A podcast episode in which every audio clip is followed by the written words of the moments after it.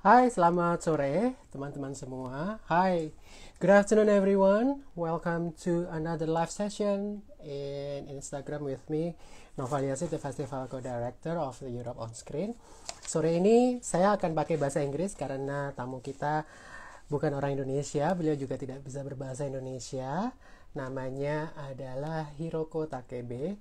Dia adalah organizer dari EU Film Days. EU Film Days itu adalah festival film Eropa di Jepang.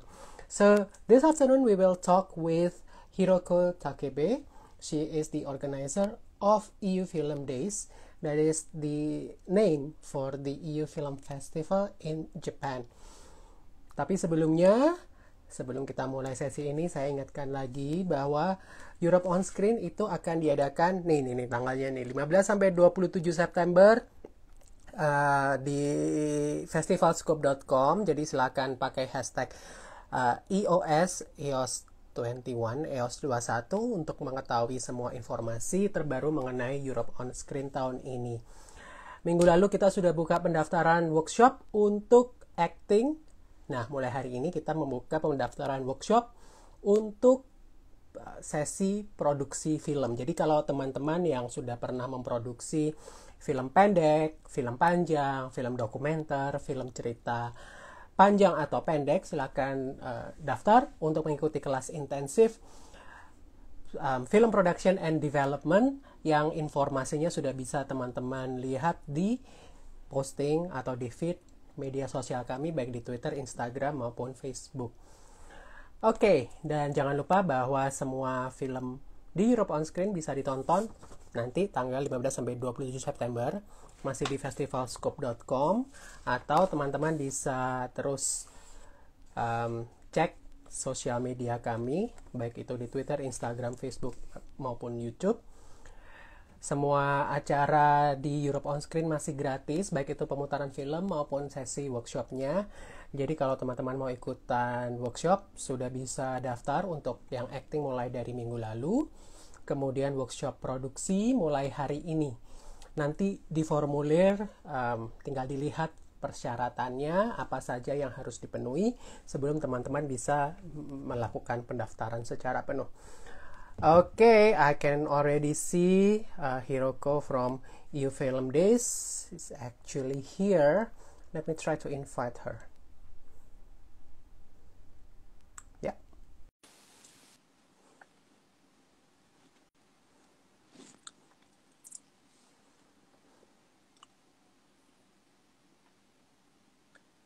Okay. Hi, Hiroko. Hi, Noel. Hello. Hi. Can you hear me? Yeah, I can hear you and I can okay, see you as great. well. Great. Um, nice to see you. Nice to see you too. Good evening. Uh, it's already 6.30 in Tokyo. Yes, it is.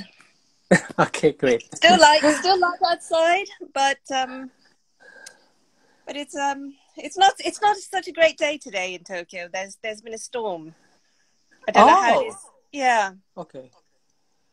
It's um we did have light rain earlier, but it's been sunny most of the day here in Jakarta. So oh, that's nice. okay, so before we begin, Hiroko, perhaps you can um, you know introduce yourself to our uh, viewers your name and your profession. Yes, hello. Um, nice to be here. Thank you for the invitation. Uh, my name is Hiroko Takebe, and uh, I work at the EU delegation in in Tokyo. So I am in charge of um, the cultural events there, or management of various cultural programs, um, some of the cultural diplomacy files, and one of our largest projects that we've had for a very long time is EU Film Days, which is our EU Film Festival. And um, I don't know, um, should I go on or, or is it enough to start with? It's okay. It's okay. Uh, how long have you been working in the EU delegation office? Okay, so in the office, I've been there since 2002. So that's already quite. Oh, that's a very long time. Yeah. It is. It's it's it's longer than than EU Film Days has has um, been around. Okay, and um, but I the... only started working. Sorry, yeah. sorry, sorry. Go go ahead. No, I just I, I was wondering if if it is since 2002 you are already involved with cultural events or how is it going in the office there actually no that's that's that's not the case um, when i started working at the eu delegation i was doing a, um, a different job so i was not involved with the cultural events eu film days itself started i think in 2003 but mm, I was not okay. part of the, the, the project. Um, it was actually a much smaller um, event. It wasn't really, mm-hmm. um, you know, the, the, the, festival that we have now. It was a, a, a rather small event to begin with. And um, this went on for a few years. I only became involved much later. Um, I think starting around 2009 or 10. Okay. And really um, more managing or coordinating the project um, fully since around 2011. I see. 2011, 2012. I see. Well, it's still pretty long time. So it's been 10 years now. It's been a decade. It is. It, it, it has. Um, went by very quickly, but that's true. Yeah. I, I wonder, I mean, did, did you recall, I mean, even if you are not um, involved in the EU Film Days in the beginning, but you were already there when the first EU Film Day started. So, what made the EU delegation office there decide to have EU Film Festival back in 2003? Do you happen to know? I don't know the the um, exact details, but I do remember it was really a joint project between several member state um, cultural institutes and perhaps mm. some embassies. Uh, we have a very good uh, working group with all the member states here in Tokyo, and currently, in fact, um, all 27 member states have embassies. Well, I mean, not in 2003, but um, mm. I mean, right now we have um, embassies of all 27 member states. Mm-hmm. And um, even in 2003, we had quite a few. So I think it was it was really a joint project. Um, several institutes wanted to come together and do something, um, and they thought film was a good idea. Um, and I think the idea was that everyone would um, would bring one film, and we would show it at again uh, not a large venue, but at one of the institutes. So there's the Institut Français or the hmm. Goethe Institute. Um, I think the Swedish embassy also had an auditorium that they uh, provided. Uh, the Italian Institute, of course. So there are several um, institutes already with, with halls that you can do screenings, and I think that was the that was the beginning. So it was really uh, let's get together and, and, show a few films, basically. Um, and I remember going to see some of them in the institutes, which was um, which is very interesting. And um, but this is really um, extension of what the institute already doing because, as you know, it's very often that you have Italian films at the Italian institutes or French films at the Institut Français uh, every now and then. And I think the idea was to do it uh, jointly and to, to, to actually show a film from a different country in one of the institutes. For example, the um, the French film would not be shown at the Institut Français, but it would be shown at um, the Italian Institute, where the Italian film might be shown at the Swedish embassy, and that was the kind of beginning. So um, that's really almost next year. It's it's our twentieth um, anniversary, and it's we've come quite a long way. So it's um, it was a very modest beginning, I believe. Yeah, and since you uh, mentioned that you are um, actually in charge of all cultural events there, um, I wonder um, how many cultural activities or events that the EU delegation office in Tokyo have every year, and in terms of comparison with uh, EU Film Days, are they on the same level, or actually, are there any special cultural events probably that are bigger in scale?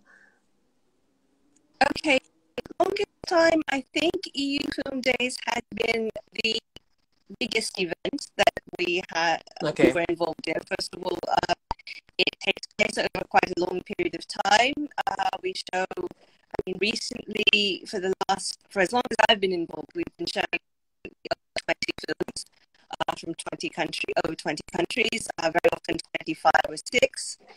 And um, usually shown twice, so that's already 50 screenings, um, lots of events, and this usually goes on for about a month. Uh, so, and we've got lots of partners. So this, uh, in this respect, it was I think the largest uh, cultural project that we had um, since 2017. So these past four or five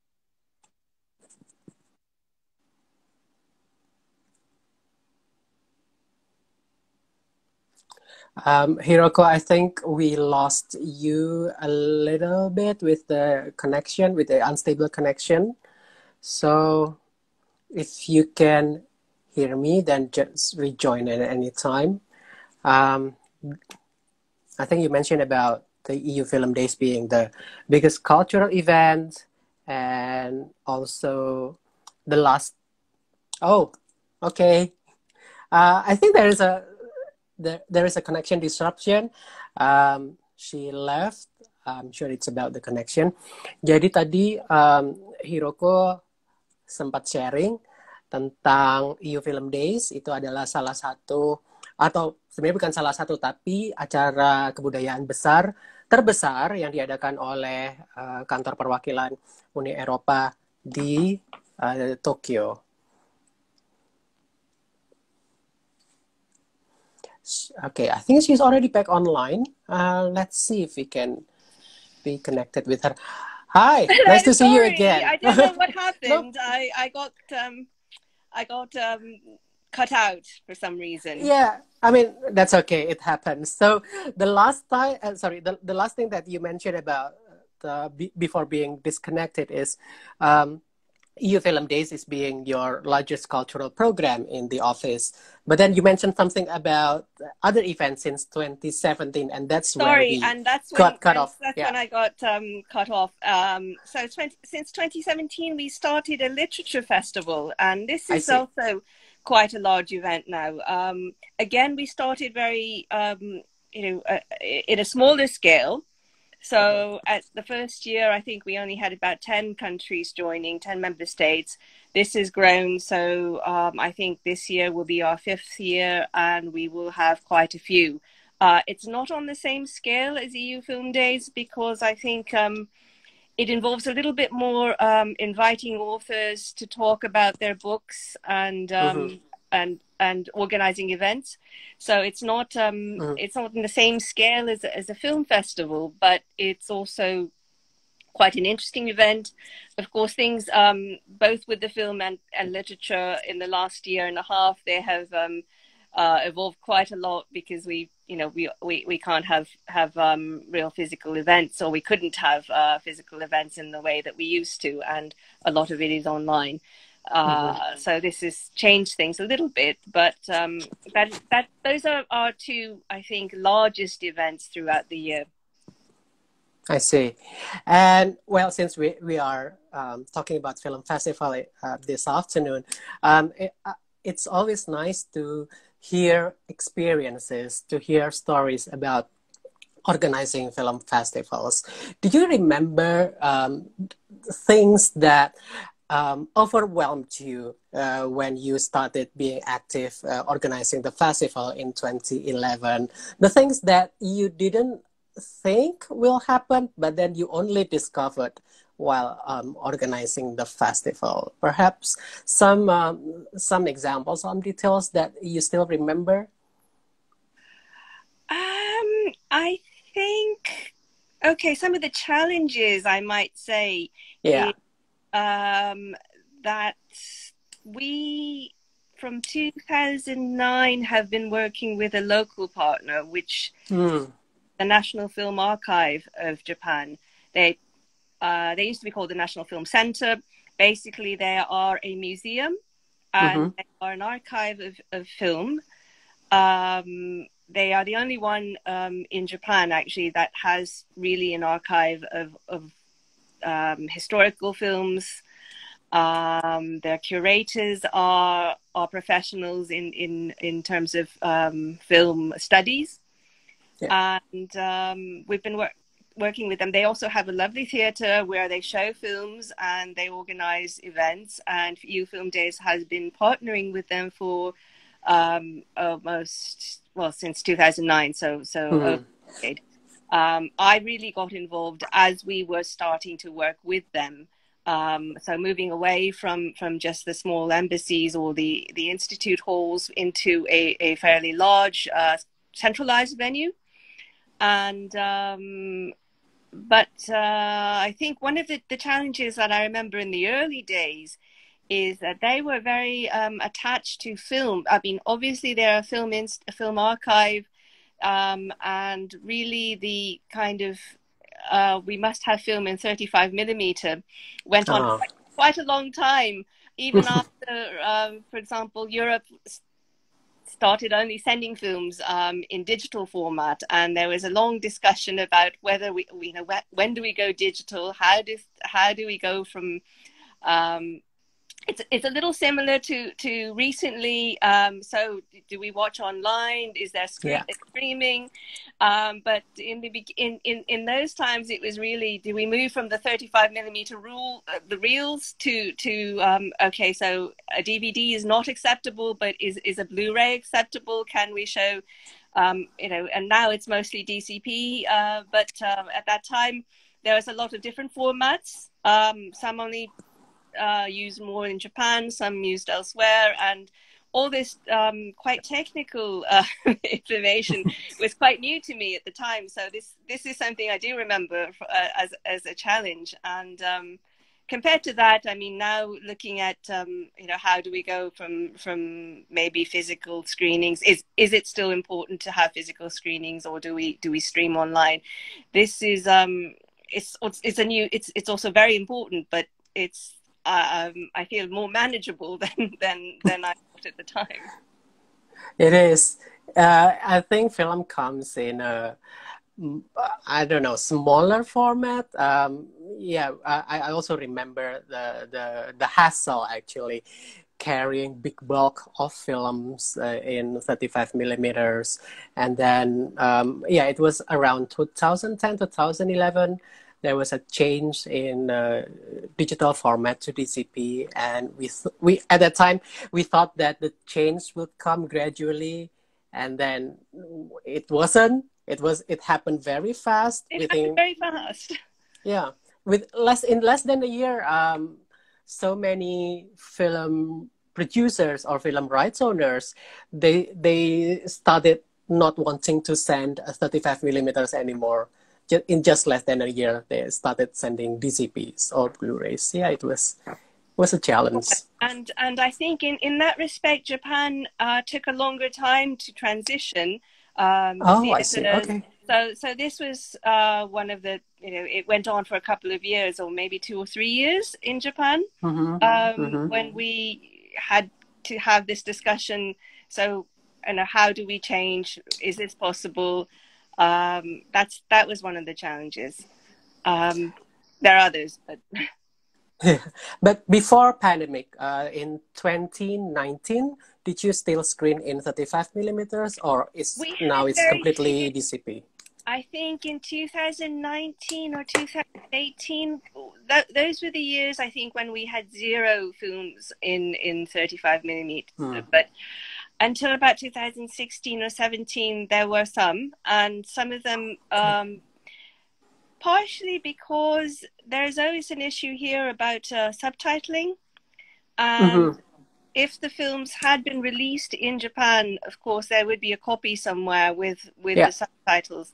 So um, mm-hmm. occasionally there would be some, you know, we would have one in our, on our, our lineup um, that was already distributed and we would have to go and, and, and rent them or borrow them.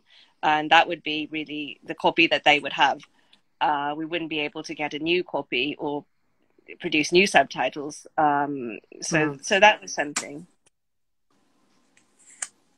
And speaking of subtitle do you um, do, do you do you like hire or engage with professional subtitler to do the subtitling for films that have not been subtitled in Japan yet, or how, how is it um, going actually with the subtitling? The, uh, one of the biggest challenges that we continually have, um, because subtitling in Japan tends to be quite expensive, and it mm-hmm. is a, um, I mean, I say expensive compared to international rates. Yeah. Um, I can also say on on behalf of the the people who work in the industry that um, they do an extremely uh, fine job and they are quite meticulous. The the subtitling of films is is an art really that has developed um, in a way that um, I think maybe when you see films subtitled in, in, in other languages, for example, in English or um, for uh, or some of the, the, the, the, subtitles that you might find on online, um, you really see the difference that um, these people have have put in uh, quite a lot of work, and there is a, a, standard. On the other hand, of course, this comes with a cost, and um, yes. we've we've always found this quite prohibitive um, when we want to subtitle new films. You, um, I think we have to look at um, uh, four five thousand euros uh, per film, um, and because we don't have a budget really just for subtitling a lot of films, um, mm-hmm. we, we, rely on the the um, member state providing the film um, to to do this. Some of them are able to do uh, to finance this. Uh, some aren't, and of course we have to come. We have to find a compromise. Um, in the last year or two, we've had um, a few films provided from the um, consortium in, in, in the EU to to to help um, to support film festivals. Uh, this year, I think we managed to get uh, we, every year we do have a number of films that are newly subtitled for our event. Um, and then the others we we try to show. Um, I think in 2019, which was the last physical uh, festival we had before yeah. the pandemic, uh, we did have all the film subtitles because it was a combination of films that had already been released or films um, that were then newly subtitled. But uh, this is rare. We've always had a few films uh, each year, which in the end, unfortunately, we did not have subtitles for. How, see. It, how is it in Jakarta? So for us, we do not um, we do not provide Indonesian subtitles because uh, seeing films with English subtitles is very common here. We only well before pandemic we had an outdoor program and for this outdoor program, yes, we provide Indonesian subtitles. But then uh, for outdoor program, we only screen European films that have been acquired by local distributors as well it's an outdoor program so we can only screen family themed or family oriented films the kind of films that are usually acquired by local distributors so this these films have already been subtitled for either for their theatrical release or um, home releases, um, either in DVD or or TV. So we um, we just borrow them, uh, like rent from them, pay the rental fee, but we don't have to pay the uh, fee extra fee for the subtitling.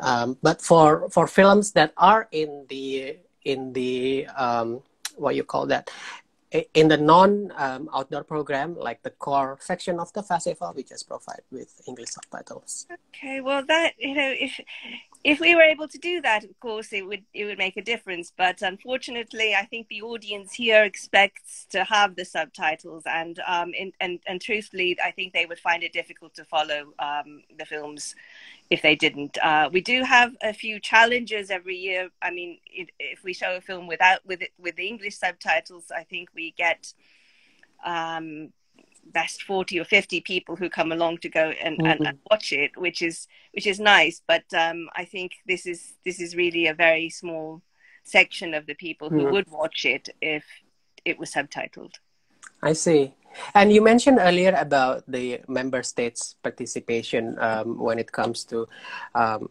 providing subtitles. So I would like to know how, how, how is the partnership with these member states? Do they provide um, films? Do they clear the films on their own? Or, or on top of that, they also provide um, additional financial support for the organization of the festivals? Okay, in in our case, actually, um, the member states are are basically the the main organizers of. Um, so we are jointly organizing the festival together, which is why you know I I've mentioned that I'm I'm coordinating the festival because really um, each member state ha- has a stake. They they provide the film.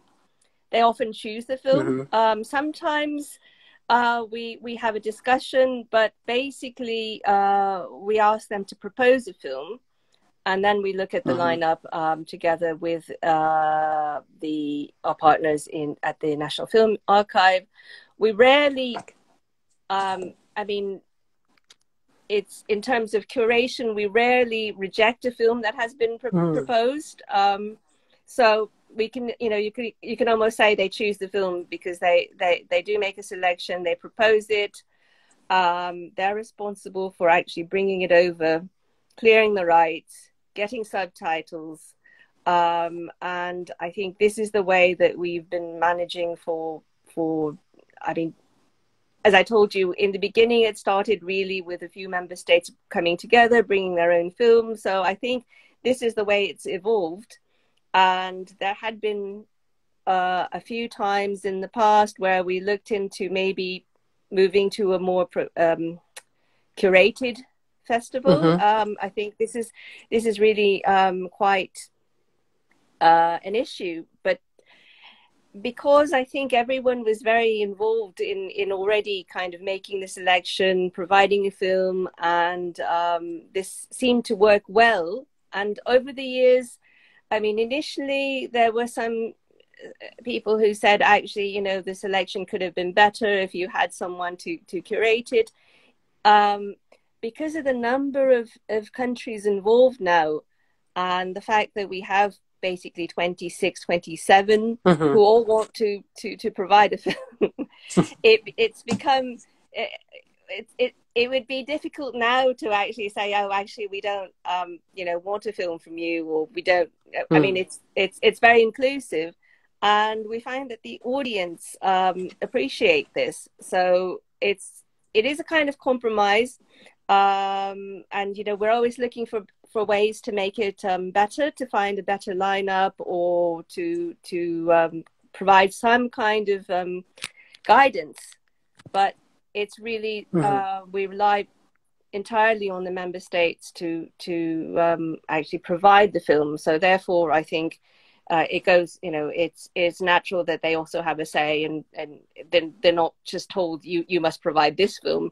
They they also have a, a say in the selection of the film, and um, this is something that um, that I think um, maybe is a little bit different from from some of the other EU film festivals where you do mm-hmm. have an organizer and a curator, yeah. um, and there are obviously merits um, advantages to to to, sure. to having that, but um, it's I you know we we're looking into ways to to improve our our, our um, lineup, um, and but also keeping everyone happy.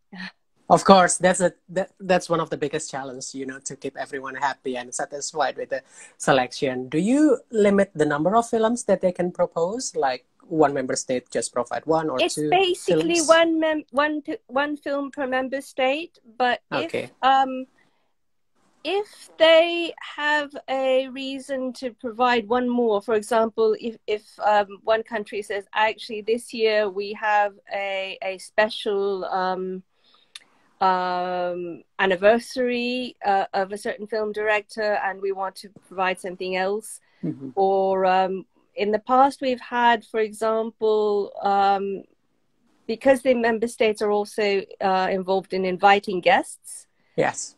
Um, to say, well, can we show another film by the same director because we have the rights to that too? And, um, you know, it would just help because he's here Mm-hmm. Um, or, or, so so we've had a few in the past, uh, few cases in the past where we had what we call like a special screening, and um, mm. we've we, you know that that does not limit the um, we, we don't limit the number uh, of films there. So um, I think you know it's not strictly only one per member state, but based on um, that's the in principle it is. Plus, you can have a special program if there is a reason to do it. Mm-hmm. And in the past, before pandemic, how how long is the festival? Uh, um, was held? I think it's generally been about a month because okay. um, our partner, the, the venue, uh, always screens each film twice. The special programs okay. may be only once, but um, if if it's in the regular program, then they're always shown twice. Um, they have afternoon and evening screenings, and uh, we've sometimes also done three screenings a day, but then it's very busy. So it's either two or three screenings a day in that, um, mm. and then there's one day of the week that they are closed. So, mm-hmm. I mean, with a full program, I think it's generally between three and four weeks. Then we also have, um, for the last five years, we've also had screenings in Kyoto, in another city. Yeah. So um, there, and we try. Again, it depends on the format of the film, but if it's if we have a physical, um, say, a Blu-ray disc or something that needs to be then transported, um, we mm. can't really show the films at the same time. So mm-hmm. uh, with DCP, it's a little bit easier, but um, depending on the format of the film, so they don't always overlap, which means we may start the film festival in in Tokyo um, maybe a week or two weeks earlier, and then go on to, to uh, in Kyoto. There is a bit of an overlap, but then it ends a little bit later there. Uh, we've also had screenings in other cities. We didn't in 2019, but in 2018 we had um, in Hiroshima. And there had mm-hmm. been years where we tried to do mini kind of uh, festivals or mini events in, in other cities. So um, maybe just a week in in in um, in another another city, or um, just a two day a weekend uh, somewhere. So it depends on the year, but um, I think mm-hmm. 2019 it it was um, two cities, and this year again it was yeah. only two cities. Okay, and I was I'm always curious about the film going habit or you know how audience um, reacts to films that we program do you find any differences in um, audiences in tokyo and audiences in kyoto and 2018 audiences in hiroshima how do they react to the films that you um, mm. chose? I think in Tokyo and Kyoto, there's not that much of a difference. Those are both okay. very big cities. Uh, there's a metropolis. Um, in Kyoto, people not only come from, from within Kyoto, but um, also Osaka or Kobe, in that whole area. Uh, Kyoto is, has a lot of students. It's a, it's a city that um, there's a lot of universities, and I thought perhaps you know we initially thought maybe more students would come and and and, and see. Uh, currently, that's not really the case. The kind of people who come to see the films are are more or less the same in mm. both in Tokyo and Kyoto. I think in Hiroshima and a few other cities, um, it's slightly different. Uh, mm-hmm. For one thing, I think the number of films, the European films that get commercially distributed, don't always make it to these cities. Mm-hmm. So um, in Tokyo and Kyoto, you're more likely to see people who are interested in the new films, the ones that have not been mm-hmm. shown before, the ones that have not been distributed, even though mm-hmm. there's very little information about them um, in advance. Um, they're more likely to draw an audience, whereas other mm-hmm. cities, I think films that have done the commercial run that have been in the um, in the theaters but maybe have not come to that particular city or even if they have um, it's very easy to miss them because they don't have a very long uh, run they, they, may be playing in one or two small theaters somewhere so um, i think we found that in cities other than than um, Tokyo or Osaka or Kyoto. Um, the the kind of more traditional, the the uh, commercially distributed films are are more popular. Mm-hmm. Uh, and of course, um, subtitling. If you if you show a film with with only English subtitles in in say a small city, um, this is going to be a big you know this is going to be a problem because you'll have maybe one or two people coming to see the film. But has it? I mean, did you ever experience that in these small cities? Um, well, one or two is is is um, I think maybe an exaggeration, but I think we have in the past had very small screenings. Uh, for example, uh-huh. in Fukuoka or Okayama.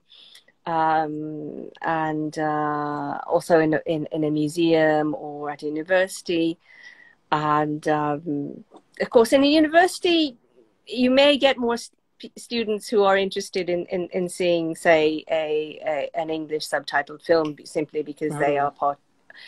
Um, they may be studying something about uh, about the country or about the language, but mm-hmm. still, mm-hmm. um, these are they're not um, a, a, huge success in, in terms of number. Mm-hmm. I see, and then um, you know um, sometimes we also um, uh, talk to audiences. Um, where we also have traveling here in Indonesia. Sometimes we talk to audiences to find out about the kind of films that they like. So, did you ever take suggestions from audiences about the kind of films that they want to see, and then perhaps you bring it up to member states to look for certain kind of films that fit the descriptions? Well, actually, what's quite interesting is I think that because we because we have quite a large number of films, um, mm-hmm. we see there's a bit of something for everyone type of um, okay. program. Um, okay. Because there are people who only come to see the animations, for example, and we have right. maybe yeah. two or three animation uh, films mm-hmm. Um, each year. Uh, some years less, some years more. Um, mm-hmm and I know that there are people who are really interested in coming to see the European animations. Yeah. Um, there are people who are very interested in films from countries which are usually not shown in Japan. So um, mm-hmm.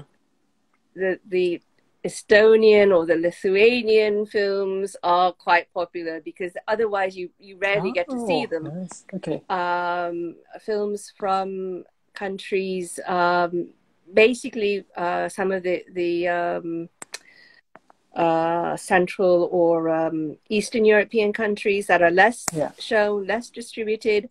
Then there are mm-hmm. people who want to come and see something with you know with a big name. So if they've seen the yeah. direct name of the director yeah. before, um, that's always popular. So it's it's very hard to say, um, you know, which is.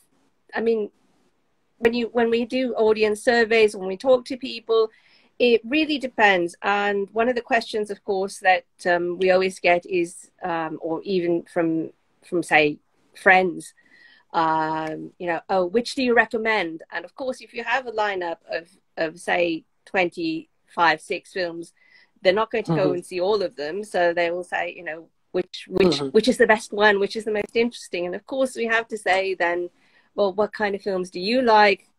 Um, you know, what yeah. do you usually watch? What What are you interested in? Mm-hmm. Um, and I think basically our style has been really um, there's a little bit a, a, a very different style. Um, so there's you know there's something for everyone.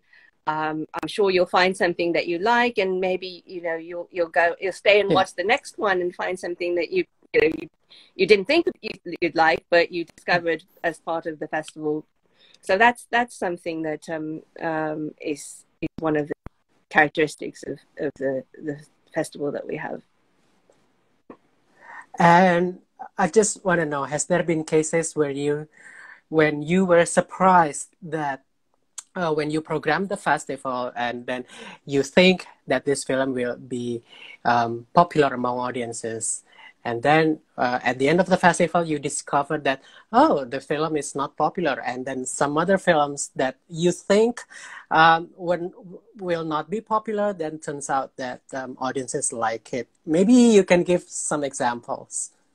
Okay um actually i have not really been surprised in in a negative sense. Um hey. i don't think we've ever said oh you know we didn't think this film would I mean, we, we thought that this would be really popular and it wasn't. Um, but we have been surprised in the other way in that uh, you know some some films that we didn't really expect um, would be that popular. Mm-hmm. Um, let me see if I can think of uh, it. We just finished our our um, festival this year, and mm-hmm. you know my my mind is on the program for this year, and it's it's hard to go back to, it's okay. to other years.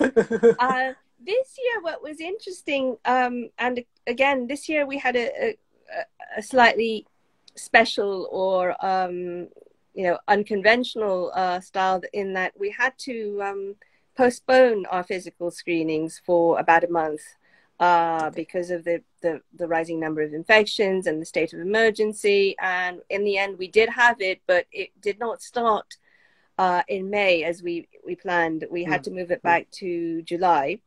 On the other hand, we had planned to have an online version running at the same time. And so the online version went ahead, and this went on uh, first. And then after that, we had the, the physical screenings, which I think um, was interesting. It was not what we had um, hoped for because I think what we wanted to do is, you know, really to have people come to the screenings and then mm-hmm. say also well you know if you missed it or you can't come or you don't want to come because it's um, you know you, are afraid of, of, of, getting covid uh, you can you can also watch it online but unfortunately because we had this the the online screenings first um, we are not entirely sure if this affected or not the, the people coming to see the films um, um, at the at, at the venue. But one surprise I think that we had this year, and this is only for this year, is that um, for the online screenings, we had a certain number of films, uh, about 10 films, which were the same as the ones that are being shown in the theaters. So these were, okay. um, you know, offered both online and off or physically. And then yeah. we also had, um, thanks to to uh, Valerio's group in in um, the consortium for offering the, the film festivals, we also had a number of films um, that were provided just online, and these were only subtitled in English. And mm. I, I think I can actually say I was surprised that these films were more watched this year than I expected. Um, oh, that's nice. So um, again, there is a there is a large difference between films that are um, uh, subtitled in Japanese, and of course these were really popular. So we, you know, we had the maximum number of, of views for one, two, three, four, four of them, and yeah. actually also close to 400, so 300 and, and something for a few more but mm-hmm. um, and and compared to that, of course, it's it's much less. But um, I had really not expected um, as many people to watch the the English subtitled films. Um, but we mm-hmm. see that there's a certain number of, of, of, the audience who, of course, it helps that um, they were free of charge, so it's yeah. it's easy to to to to, to give it a try. Yeah. But um, but there are more people watching those. Um, one film that surprised me was uh, the Bulgarian film, and this was not. This was actually provided by the Bulgarian embassy. So we had this mm-hmm. uh, shown in the in the theater as well as online. And um, due to budgeting uh, difficulties, this was only shown again with only English subtitles. But the online version actually was quite popular. So this went. This I think got over 300, 300 views, um, which we didn't expect. Hmm. Um, so I think it, it really depends. I, um, it, and the topic of the film was, was very per, um, pertinent to, uh, it was about someone who um, actually installs a lot of hidden cameras and spies on his, his friends and neighbors. So maybe it was, you know, the topic was something that may, a lot of people now at home are thinking about and, and were mm-hmm. interested yeah. in. Yeah. Um, yeah. So that was um, that was a surprise. Uh, the other films, I think, more or less, uh, the one, the new ones um, that were interesting, that had some kind of uh, relevant theme or a an actor or someone a director whose name had been you know um, introduced before in Japan, these are always always um, popular. So um, that was more as expected. But I think overall we we we did all right. Um, yeah. Again, it's it's hard to say because um, there are many reasons for not actually wanting to go to a theater or not going to mm-hmm. To see a film um, when mm-hmm. you know when when the when the country is or the city is is in a in a state of um, of emergency. yeah. So in terms of number of uh, audience watching online, um, so this year you actually see the increase compared to last year.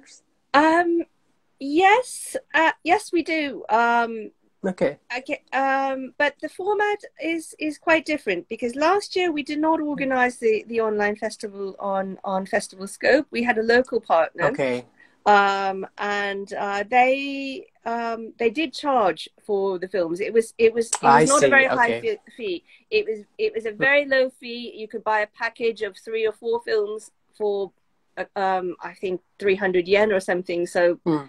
you know, extremely low fee, but um, it was not free. Uh, that was mm-hmm. one thing. The second thing is, um, I think in the last year. Uh, I don't know how it is in, in Jakarta, but around, um, say, a year ago, less people were accustomed to watching films online. And, um, you know, even though Netflix had started and Hulu, um, it was only a certain number of people who, younger people who, who were watching these services. And I think mm-hmm. more and um, there was still a, a, a, large number of people saying, "Oh, a film, you know, I wouldn't watch it on on the internet." And I think within the last year, um, this yeah. has changed quite a lot. So, uh... I agree, and it was well. We also have like Netflix and other streaming platforms, but uh, people are still not used to the idea of having an online film festival. Like it's a foreign concept. Like how how do you how, how do you attend a film festival if it is online? And also for us it, i mean we couldn't imagine um, organizing a, an online or virtual film festival.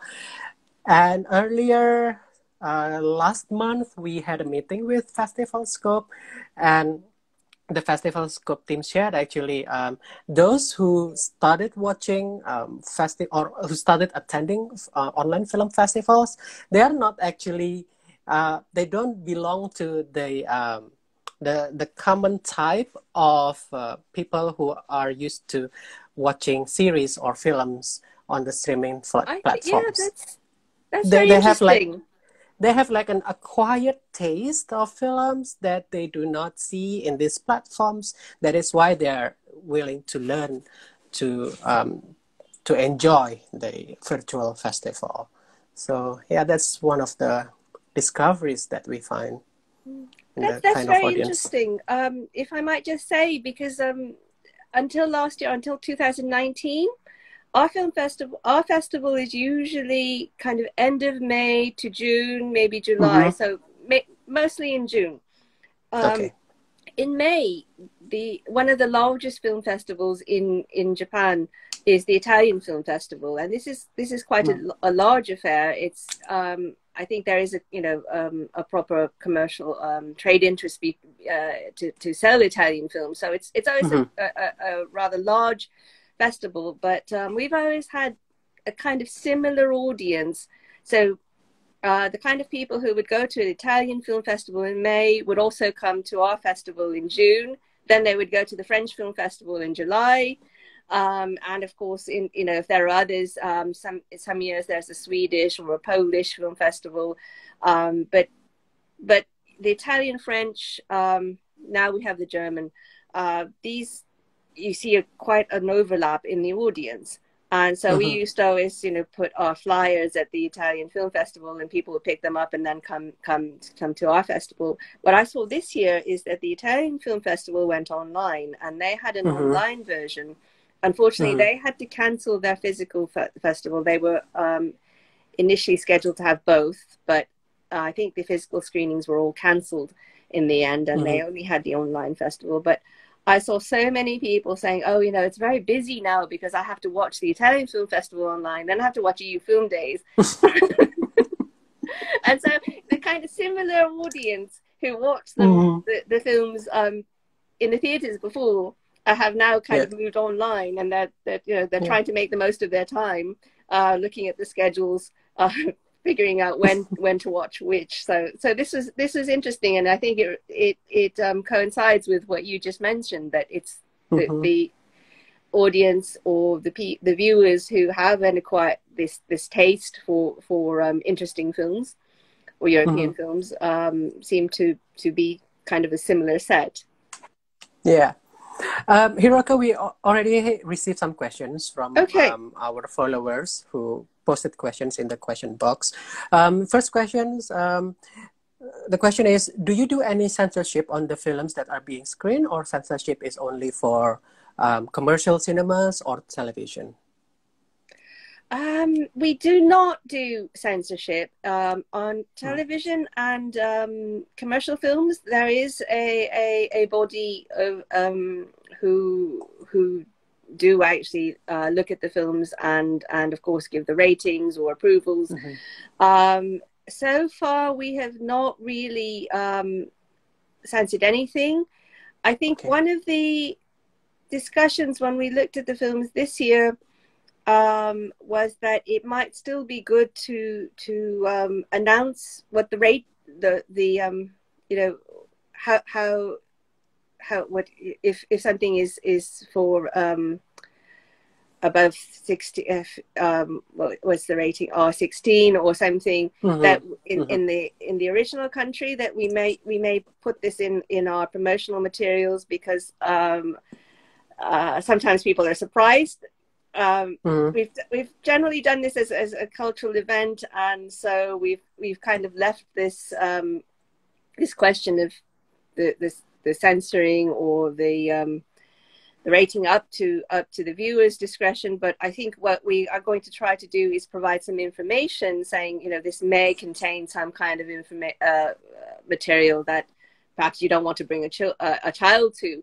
but um, we we uh, this does not limit um, our ability to to screen any of the films. Of course, uh, on the it goes without saying that because the member states it's um, mostly embassies who are involved, hmm. where they, they do also have a certain uh, level of, of, of, tastefulness to to the, to the choice. True. And then, well, it, it's actually related to the next question. Um, do you program uh, kids section in the festival? Um, yeah, we don't have a a section um, be, because it depends on the lineup of the year. If we find that um, several of the films are indeed uh, suitable for families or, or children, we may um, organize them and say we these are the films that mm-hmm. we recommend for children. Um, but until mm-hmm this year we didn't actually group them so i mean we did provide information saying this is a comedy this is you know this is a family film mm-hmm. um, this is um, what um, a thriller mm-hmm. but uh, we didn't actually group them in, into these groups uh, last year we found that when we did it online because we sold the, the, the film the the um, platform wanted to sell the, the films in kind of packages yeah. So we did, you know, packages of three or four films, and mm-hmm. we found that this is quite popular. So this year, when we introduced the films, we actually arranged them in into kind of groups groupings. So we'd say, you know, this mm-hmm. this section is is um, films about youth or your, you know, mm-hmm. youth in Europe. And this film, mm-hmm. this is um, this is actually uh, a number of films that are kind of hardcore um, thrillers or crime films. And um, so we didn't, this year, we didn't have a, a category um, specifically for children. I think we had one or two films that were suitable for for children, but mm-hmm. um, one of them was an animation. But then we we put that together with another animation, which was actually not for children. So we'd say, you know, these are animation films this year. Mm-hmm. So so this year we did not really have um, that particular section, but we may in, in some years. I see.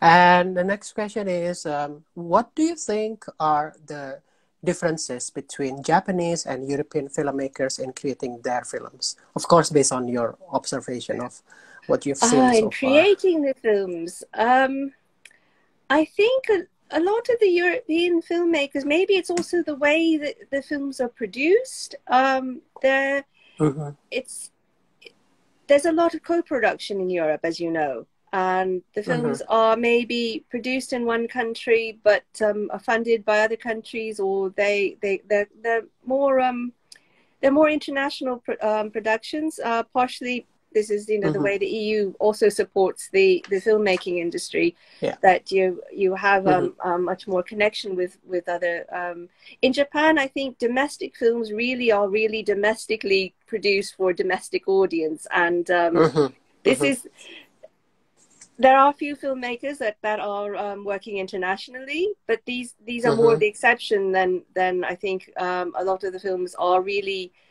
uh, domestically produced with uh, mm-hmm. domestic, um, you know, Japanese uh, crew staff uh, for mm-hmm. a Japanese audience. So so this is yeah. um, this this might be one of the the largest differences that I see. I see.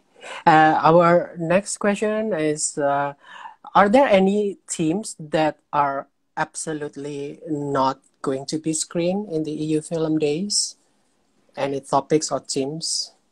Topics or themes? Um, I don't think so. Well, I can't really see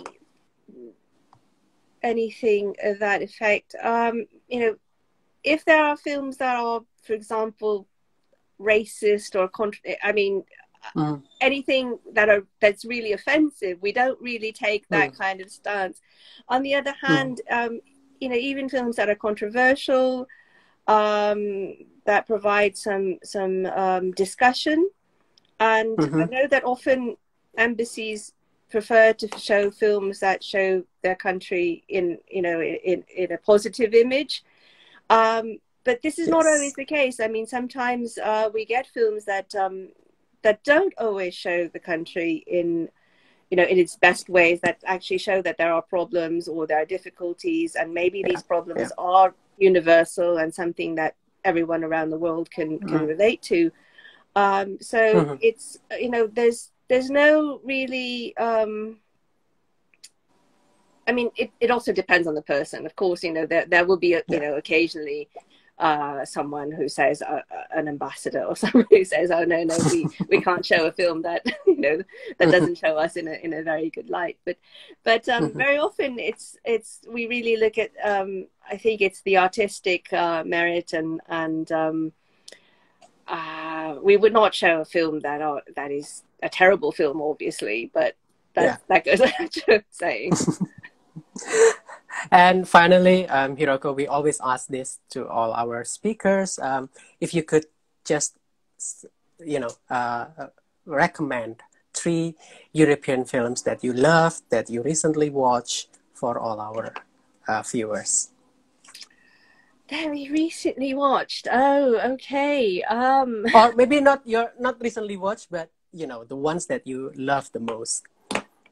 Oh, um. Should have thought about this. Um, let's see. Um, well, I I'll have to um really pick uh, something out of uh, out of our lineup recently because um no problem. and and some of them may um also be you know on screen um in in in in um, Europe on screen in September. I probably. um, but uh, um very very very um likely uh what did we have this year? Um oh Uh, that's that's a that's a difficult question though. Um, I really, okay. well, um, if you have uh, if you have the Spanish film uh, Buñuel and in the Labyrinth of the Tur- Turtles, I'm not sure you do. It's an animation. This we did really screen that last year. Yeah. Oh, you screened yeah. it last year. Okay. Yeah. This was this is quite interesting, and um, you know, if you haven't seen the films of Buñuel, it gives you an introduction. If you have, then you you kind of see, and you know, I do like um, uh, some mm. of actually um, not all of them, but um, uh, the Buñuel films. So this is mm-hmm. this is mm-hmm. interesting to have this year in in our lineup. Um, there are a few others. Um, so let me see. Apart from, oh, I'm sorry. this is um... okay. So at least we got one uh, recommendation from you. Anyway, um, I think we've come to the end of our session, Hiroko. It was very great talking to you. I mean, I you know uh, to get a glimpse of your festival in Tokyo that you've been running that has been going on actually for 20 years and you've been involved actively for the past decade that's that's great so thank you so thank much you. for your time no and, yeah. and thank you and you know i'd love to hear more about uh, europe on screen so I, I will I'll tune in um, to to some of your other sessions and um, sure. hopefully we'll get a chance to to speak again yes yes and looking forward to meet you in person soon when the when I hope so. When, when, when we can all travel. that's true. That's true. In fact, um, one of one of the last countries that I visited before pandemic was uh, Japan. I was in Tokyo oh. at the end of 2019. So I mean, little did I know that cool, the end of really... 2019 and like the next year we couldn't travel as freely as it was. No, so. and, and I've always wanted to go to Indonesia and I've never managed. So I think you know um, when when we're able to do that, I'd love to. Sure. Do. Okay. Thank you so much again. Thank you. Hiroko. Bye bye. Okay. Bye.